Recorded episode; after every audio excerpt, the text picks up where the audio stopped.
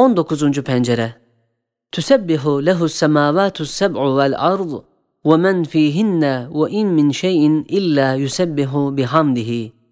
Sırrınca Sani Zülcelal semavatın ecramına o kadar hikmetler, manalar takmış ki güya celal ve cemalini ifade etmek için semavatı güneşler, aylar, yıldızlar kelimeleriyle söylettirdiği gibi cevvi semada dahi olan mevcudata öyle hikmetler ve manalar ve maksatlar takmış ki güya o cevvi semayı berkler, şimşekler, raadlar, katreler kelimeleriyle intak ediyor ve kemali hikmet ve cemali rahmetini ders veriyor.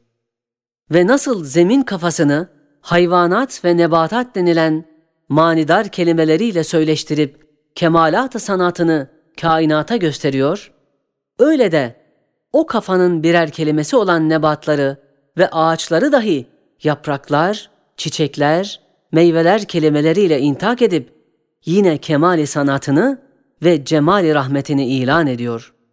Ve birer kelime olan çiçekleri ve meyveleri dahi tohumcuklar kelimeleriyle konuşturup dekaik sanatını ve kemal rububiyetini ehli şuura talim ediyor. İşte bu hadsiz kelimat-ı tesbihiye içinde yalnız tek bir sümbül ve tek bir çiçeğin tarzı ifadesine kulak verip dinleyeceğiz. Nasıl şehadet eder bileceğiz. Evet, her bir nebat, her bir ağaç pek çok lisanla sanilerini öyle gösteriyorlar ki ehli dikkati hayretlerde bırakır. Ve bakanlara Subhanallah ne kadar güzel şehadet ediyor dedirtirler.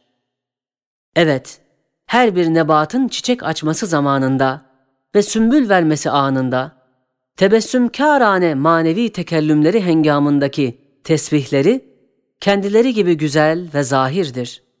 Çünkü her bir çiçeğin güzel ağzıyla ve muntazam sümbülün lisanıyla ve mevzun tohumların ve muntazam habbelerin kelimatıyla hikmeti gösteren o nizam, bir müşahede ilmi gösteren bir mizan içindedir. Ve o mizansa mahareti sanatı gösteren bir nakş sanat içindedir.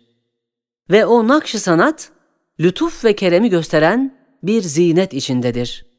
Ve o zinet dahi rahmet ve ihsanı gösteren latif kokular içindedir. Ve birbiri içinde bulunan şu manidar keyfiyetler öyle bir lisan-ı şehadettir ki hem Sani Zülcemalini esmasıyla tarif eder, hem evsafıyla tavsif eder, hem cilve-i esmasını tefsir eder, hem teveddüd ve taarrufunü yani sevdirilmesini ve tanıttırılmasını ifade eder.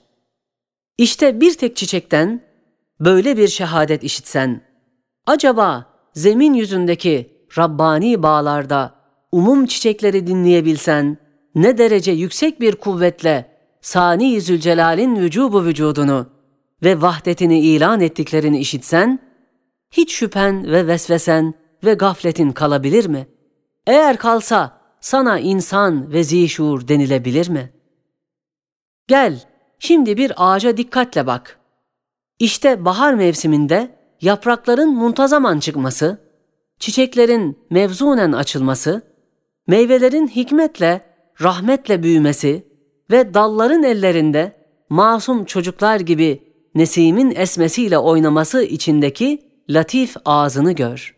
Nasıl bir desti keremle yeşillenen yaprakların diliyle ve bir neşeyi lütufla tebessüm eden çiçeklerin lisanıyla ve bir cilve-i rahmetle gülen meyvelerin kelimatıyla ifade edilen hikmetli nizam içindeki adilli mizan ve adli gösteren mizan içinde bulunan dikkatli sanatlar, nakışlar ve maharetli nakışlar ve zinetler içinde rahmet ve ihsanı gösteren ayrı ayrı tatlı tatmaklar ve ayrı ayrı güzel kokular ve hoş tatmaklar içinde birer mucize-i kudret olan tohumlar ve çekirdekler gayet zahir bir surette.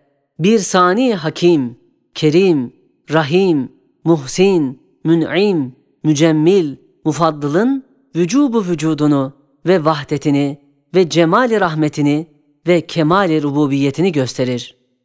İşte eğer bütün ruh zemindeki ağaçların lisan hallerini birden dinleyebilsen, Yusebbihu lillahi ma fis semavati ve ma fil ard.